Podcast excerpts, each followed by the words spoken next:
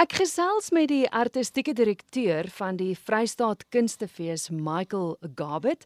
Kom ons gesels gou oor die fees in breë. Julle het nou vir 'n tydjie lank nie 'n fisiese fees kon aanbied nie, maar toe maak julle planne. Ja, ons het ons het in die eerste week van die inperking vlede jaar het ons glad nie geweet wat om te doen nie. Dit was 'n groot skok vir die hele wêreld natuurlik.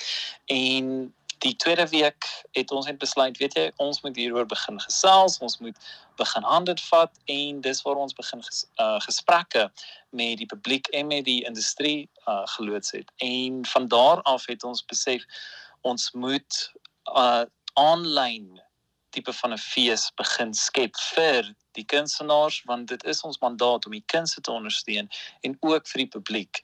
So ja, en dit het net van krag tot krag beweeg. En dit is dan nou ook hoe snelstroom gebore is.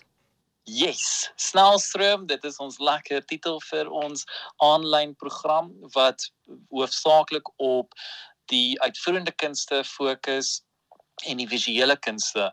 Ons het ook 'n ander komponent, die vryspraak digitaal wat die literêre fees bevat. Hmm. So ja, daar's ietsie vir alles letterlik by die Vrystaat Kunstefees.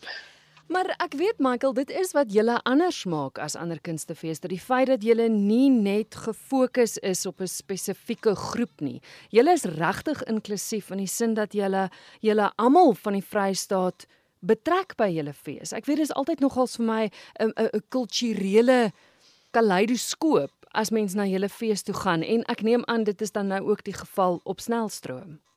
Ja, dit is definitief, dit is ons kern. Ons wil altyd 'n platform wees vir enigiemand en vir almal. Ons ons slagspreuk een fees baie stories is definitief de, uh sigbaar in enigiets wat ons aanpak. Jy jy sal nie jy sal regtig sukkel om iets te krif te vind wat jy nie van hou by die fees nie. Ons is regtig nogals besig om netwerke te skep nasionaal en ook internasionaal en die bande en die geleenthede wat ons begin vorm vir kunstenaars en vir die publiek wat ons gaan in 2022 begin bekendstel is enorm en Snelstroom het veral 'n groot hand in hierdie nuwe brug wat ons gebou het. Mm. Hoe werk dit? Want met 'n fisiese fees het jy spesifieke datums in die jaar mense stroom na julle toe, hulle woon die fees by. Hoe werk dit as dit nou digitaal is, snelstroom? Wanneer is dit te sien? Is dit heel jaar te sien?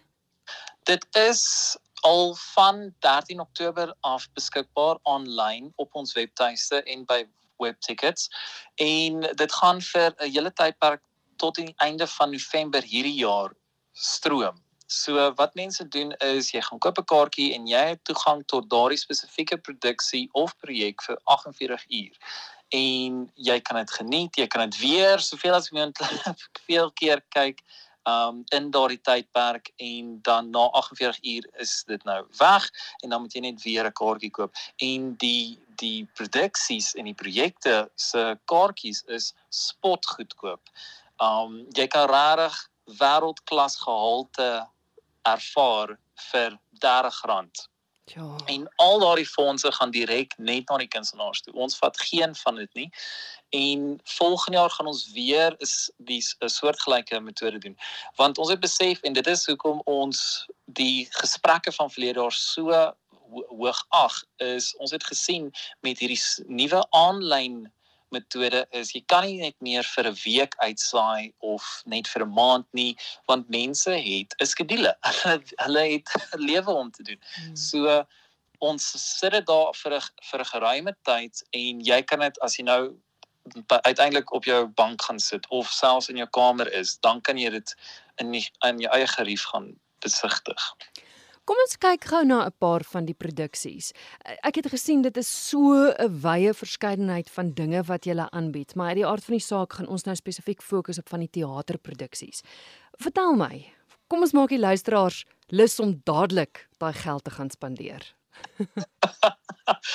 Wel, ehm um, ja, as ons nou net op die uitvoerende kunste of die teater gaan gaan fokus, dan sal ek definitief voorstel van Aku van Ster Dis 'n wonderlike spanningsdrama wat afspeel in 'n uh, onherbergsame Noord-Kaap waarin huweliksontrou, moord en selfsug voorop staan. So dit is definitief 'n 'n kragtige toernooi wat um Jefferson J Derskorkia regtig uh, uitmuntend speel. En dan as 'n mens kyk na Betehu wat regtig 'n reflektiewe teaterwerk is op die gevolge van hierdie einste pandemie en dit is geskep spesifiek vir aanlyn teater. So dit dit dis baie natuurlik. Jy gaan nie voel jy kyk nou net na 'n opname nie. Mm. Dit is geskep vir die, met die idee dat die kyker is virtueel. So ek voel dit is definitief iets wat 'n nie misloop is nie. en dan as ek ek voel ek gaan iets herrens mis, maar ons het dan ook die die fenominale blomme vir Jupiter. Ek het al 3 kaartjies self gekoop want dit is net so goed. Dit is 'n produksie wat ons definitief volgende jaar op alle verhoë wil sit. Maar dit is dit gaan oor uh Fali, die Norsnar is moeg daaroor om alleen deur die lewe te gaan en dan gaan dit oor hierdie hele tema van eensaamheid en hoe 'n mens daaroor uh te werk gaan. En ons het ook iets vir die antropoloë wat die LGBTQI plus gemeenskap ook verteenwoordig en genaamd inmates en dit is 'n kragtoneel wat regtig kwessies op kampus en in die sosiale omgewing ook aanpak wat ook ag uh Vrystaat is. Mhm. Um al die kunstenaars daar en dan het ons ook van Jane Mafolo, uh Sesha Bello wat uh, klassieke storie is van 'n verhaal van 'n koningin wat desperaat is om haar huwelik te red en die hele proses daardeur en dit daar's lekker mitologie wat daardeur speel vir kykers wat in dit belangstel.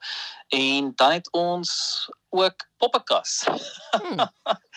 Poppekas wat vervilm is spesifiek vir aanlyn en dit is genaamd Drizzles en Drizzles het twee variasies van hierdie Poppekas. Hulle het drie varkies en dan het hulle ook What's in a name. Um en een is Afrikaans en die een is Engels. So nee, jy gaan regtig hard gedruk wees om nie iets te wil sien by by dit nie. Michael, ons het nou spesifiek gepraat oor die oor die toneelstukke wat relevant is vir my program, maar daar's 'n klomp ander goed wat jy ook aanbied, is ek reg? Dit is korrek. Ons het visuele kunste, ons het spesiale interdissiplinêre projekte wat wêreldwyd telematies plaasvind. Ons het um ons het yoga, ons het meditasie. Dit ja, wat jy aan kan dink, ons het dit. Ek weet meeste van die feeste wat aanlyn gegaan het, het nogal skop gekrap oor die visuele kuns en baie van hulle het virtuele gallerye geskep. Hoe stel julle die visuele kuns voor? Ons gebruik 'n hibriede stelsel. So dit is dis deels virtueel of digitaal en daar's 'n hele galery geskep en elke uitstalling het sy eie tipe galery en eie tipe platform. So jou een virtuele ervaring gaan definitief nie dieselfde wees by die volgende nie. En wat wat ek bedoel by hibrid is daar is van die uitstallings wat ook lewend tans ook uitgestal word. So as jy die kunswerk sien en jy wil, ah, ek wil regtig hierdie gaan beleef in werklike lewe, dan gaan jy net in besoekie galery. Dis wonderlik, so daar word tog mense gelok na die fees, as ek nou sê die fisiese fees. Ja, definitief.